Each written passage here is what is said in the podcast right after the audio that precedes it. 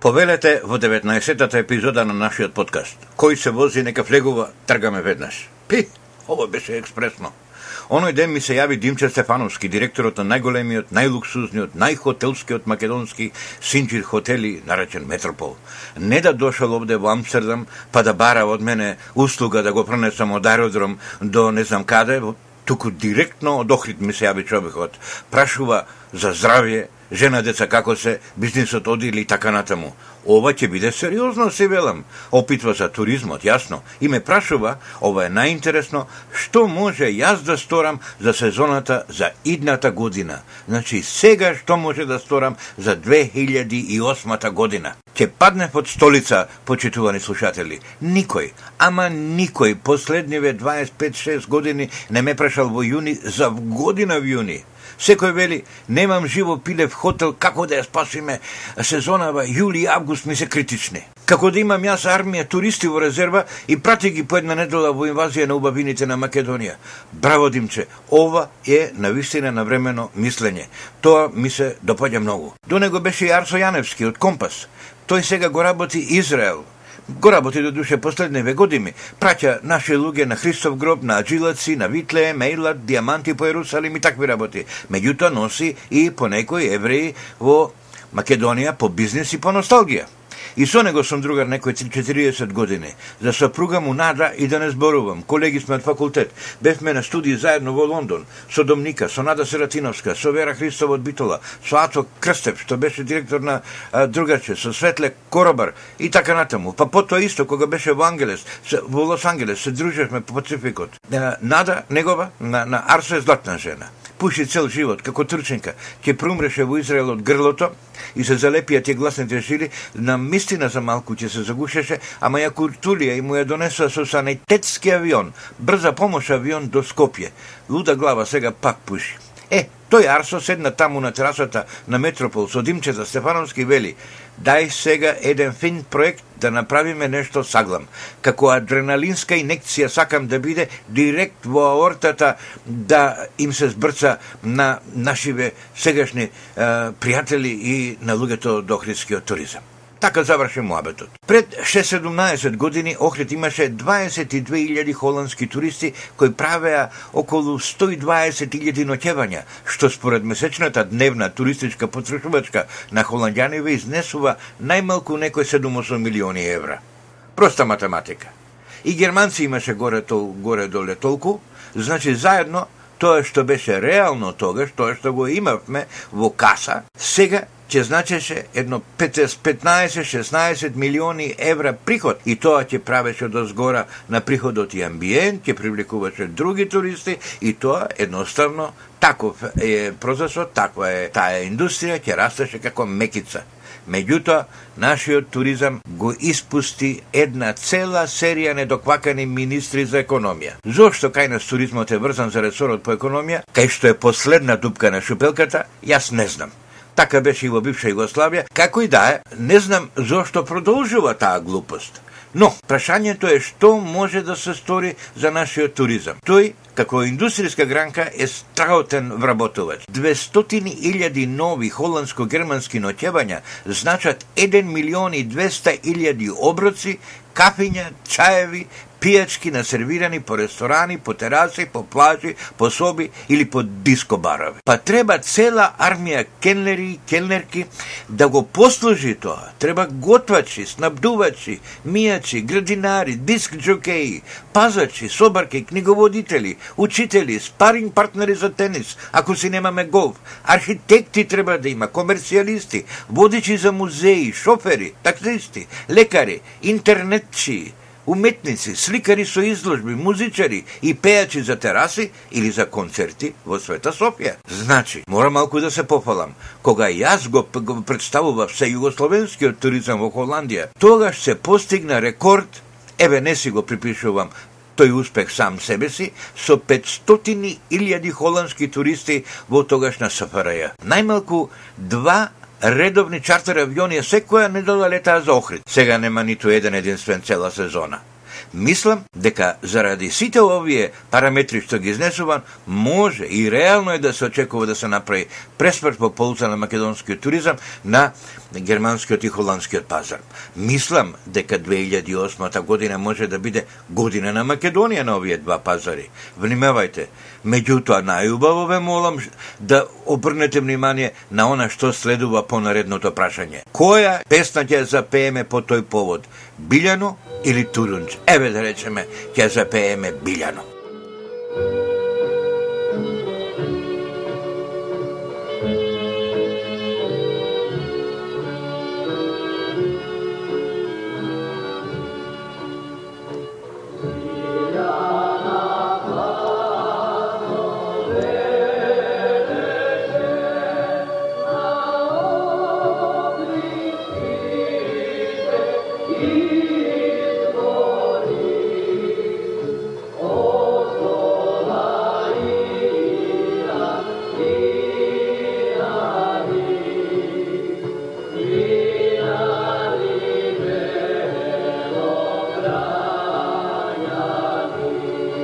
Ја чувте. А в година ја мислам дека таа песма некако тешко ќе оди во Сарагоза. Еве зошто.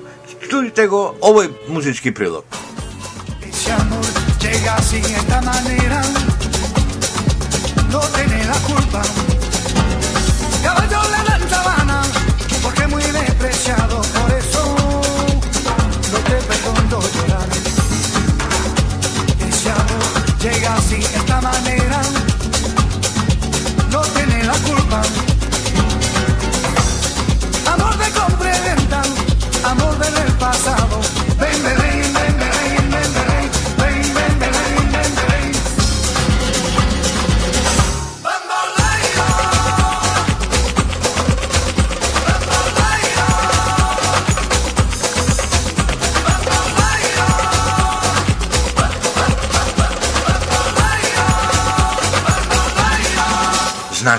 В година е ново издание на светската изложба во Зарагоза на работ на врелата крв на Шпанија. Тоа е мини варијанта на онаа голема манифестација на достигнувањата и аспирациите на човештвото. Она а, манифестација која зад себе остава Айфелови кули, атомиуми како во Брисел, вселенски игли во Сиатл и слични маркантни објекти како печат на едно време на развојот на човештвото го чупте овој шпански музички прилог. Тој е друг тоналитет. Меѓутоа, јас сакам нешто друго да кажам. Со што ќе се представиме ние година од 14 јуни до 13 септември во Зарагоза на светската изложба. Има ли некој надлежен во Македонија што носи некоја идеја во главата? Дали ние подкастерите и блогерите ќе ја дофатиме палката и ќе понесеме кон Зарагоза а, заедно со Димче Стефановски, директор на Охридски метропол? Човекот е добар партнер за оваа тема, која што е многу значајна сега да се разговара и сега да се обсуди, затоа што практично уште сега гледам дека нема многу време. Веднаш да кажам дека во Зарагоза не станува збор за full size expo. Тие full size expo екзибиции се организираат секоја пета година. Наредниот вистински експо ќе биде во Шангај, во Кина, во 2010-та. Меѓу такви две вистински експо изложби се организира по еден мини експо. Еве како овој што го доби Зарагоза, а за кој што конкурираа и Солун и Трст, ама не добива ништо затоа што не може со Зарагоза. И големите и мини изложбите ги доделува една меѓународна организација од 100 земји членки со седиште во Париз. Светските изложби се некомерцијални, значи тоа се владени проекти. Поканите комуникациите за нив ги сервира Француското министерство за надворешни работи. Македонија предпоставувам зошто е тоа така, не членува во таа спомената организација. Не се гледа сега ни дали е пријавена да учествува на годинашната мини експо изложба во Зарагоза. Димче и јас мислиме дека таа шанса во Зарагоза не треба да се пропушти. Темата е таква. Темата официјално гласи водата и прифатливиот развој, односно таков стопански растеж што е благопријатен за човековата околина. Ние, како Македонија, како земја, би требало да сме охрабрени со она што го нуди оваа тема. Затоа, сега да се вратам малку на билјанина, на билјанина за песна, односно на билјанините извори. Тоа е еден посебен фолклор, ние го љубиме, нас ни, ни лежи во душа. Меѓутоа, дали секогаш само со фолклорот, само со нашите фути, скуталиња, со фрески, икони може да се представуваме по овој модерен, зовриен, практично свет. Baila, baila, baila, baila,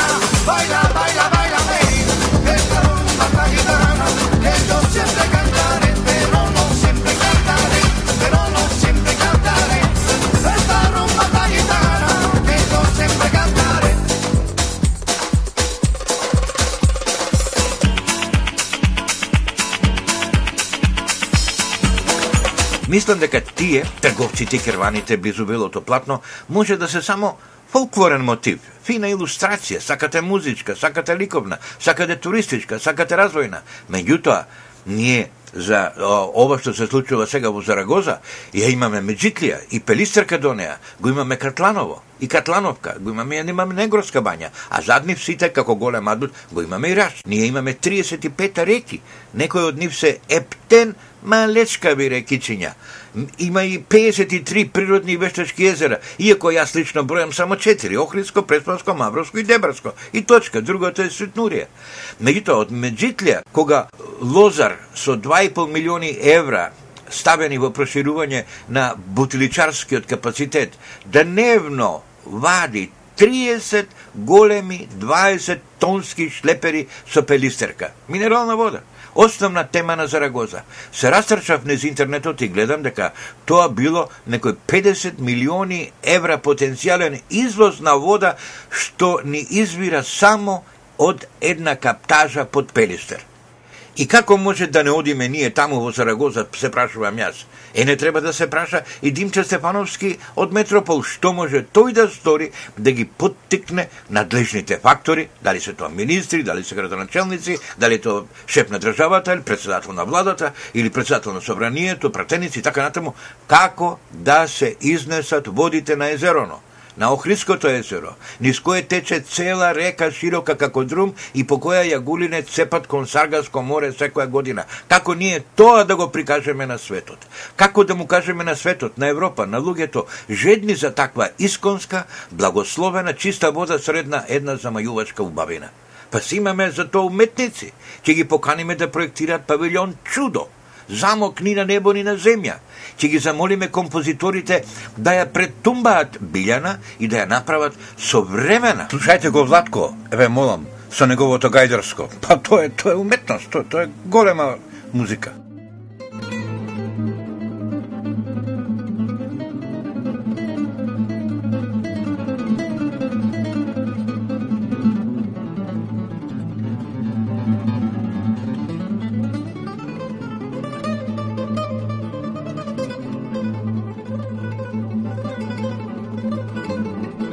Да ја искреираат во една а, поинаква песма, со еден, може би, друг ритам. И така заедно, и музичари, и сликари, и архитекти да направат една модерна слика за Македонија. Јас ви реков дека го претурив интернетот и гледам наши имења заглавени во акватични проекти кај нас, за мене се некои нови лица, слушам тамо Анкица Синадинова Базерко, Анита Коджаман, па Златко Самарджиев, па Станислава Додева, па господин Лјупчо Стојановски, се сами началници по министерства, по национални проект, менеджерски фотели седат, на странски фирми им даваат услуги, работат други во невладени странски организации и никој од нив досега да чуем дека зуцнал збор за оваа тема, за водата и за нашите можности во Зарагоза. Тоа малку ме збунува. Јас не сум од оние кои се обесхрабруваат лесно, но напросто тажно е кога ќе видиш дека еден Пловдив направил две вакви изложби како оваа во Зарагоза, а дека ние не сме ни земја членка на тоа Биро Интернационал des Expositions, кое постои во меѓународна дипломатска конвенција од 1928 година постар од мене, преку 80 години има. Мора, значи, да се прави голем тим кој ќе анимира нацијата за различни проекти. Еве, да направи една мала дисгресија.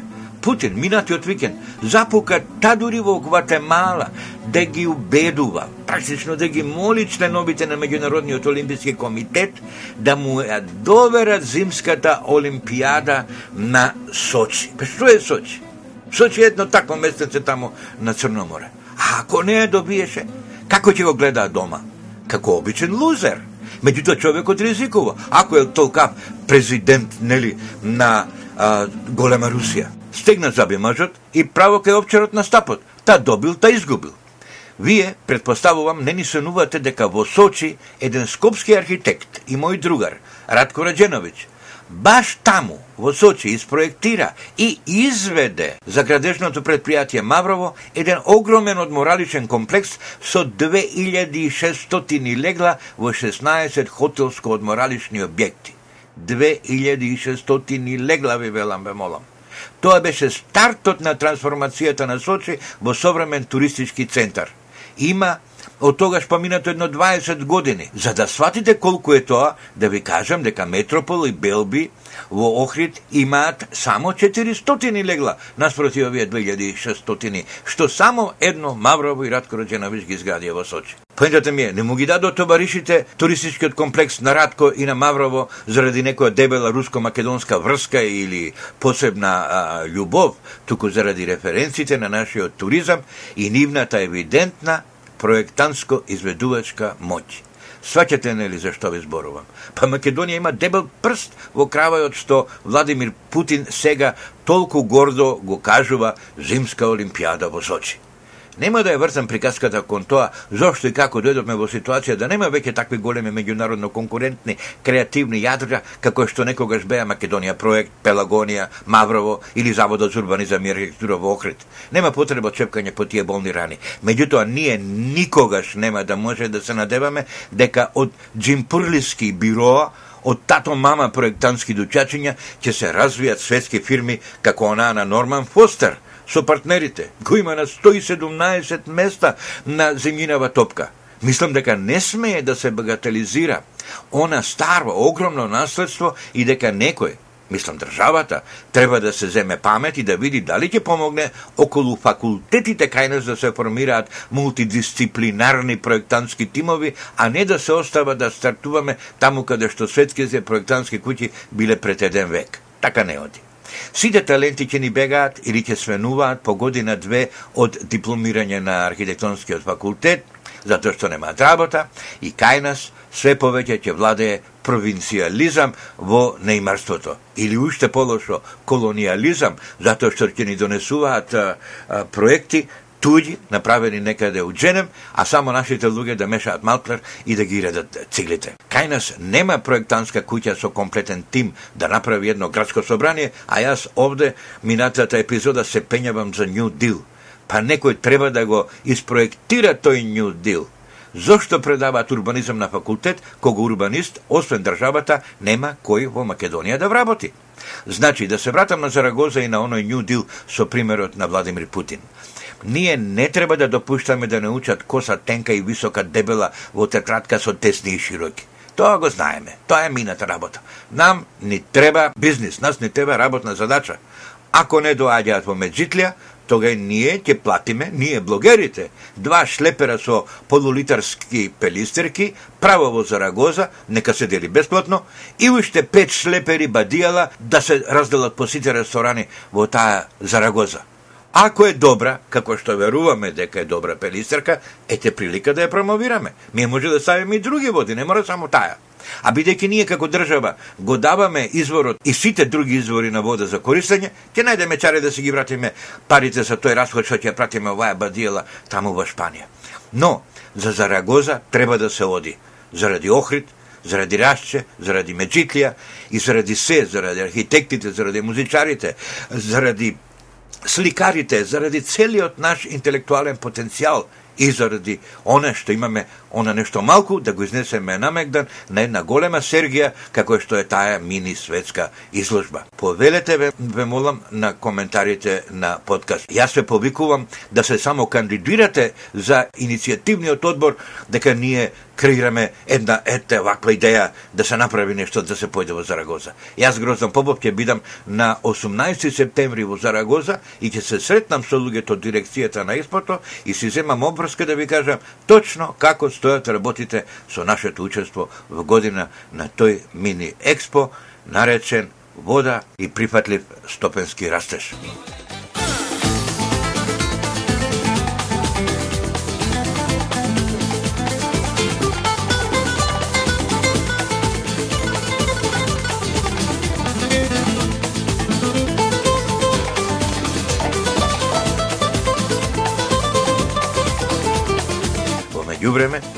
Бидете срдечно поздравени од Амстердам.